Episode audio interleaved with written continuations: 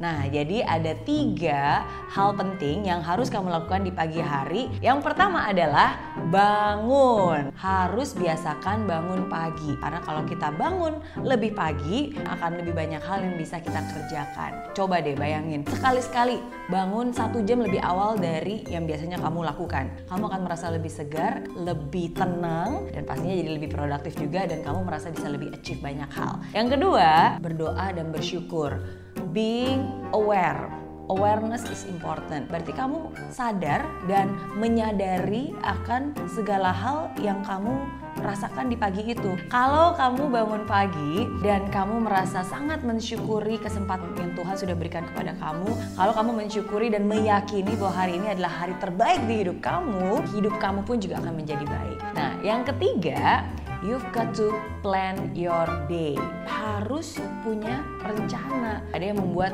to-do list, ada yang membuat checklist, ada yang juga uh, taruh di planner, ada yang juga reminder. Menurut saya, kamu harus bisa menjalani hari itu dengan sesuatu yang memang sudah kamu rencanakan. Mau ketemu siapa?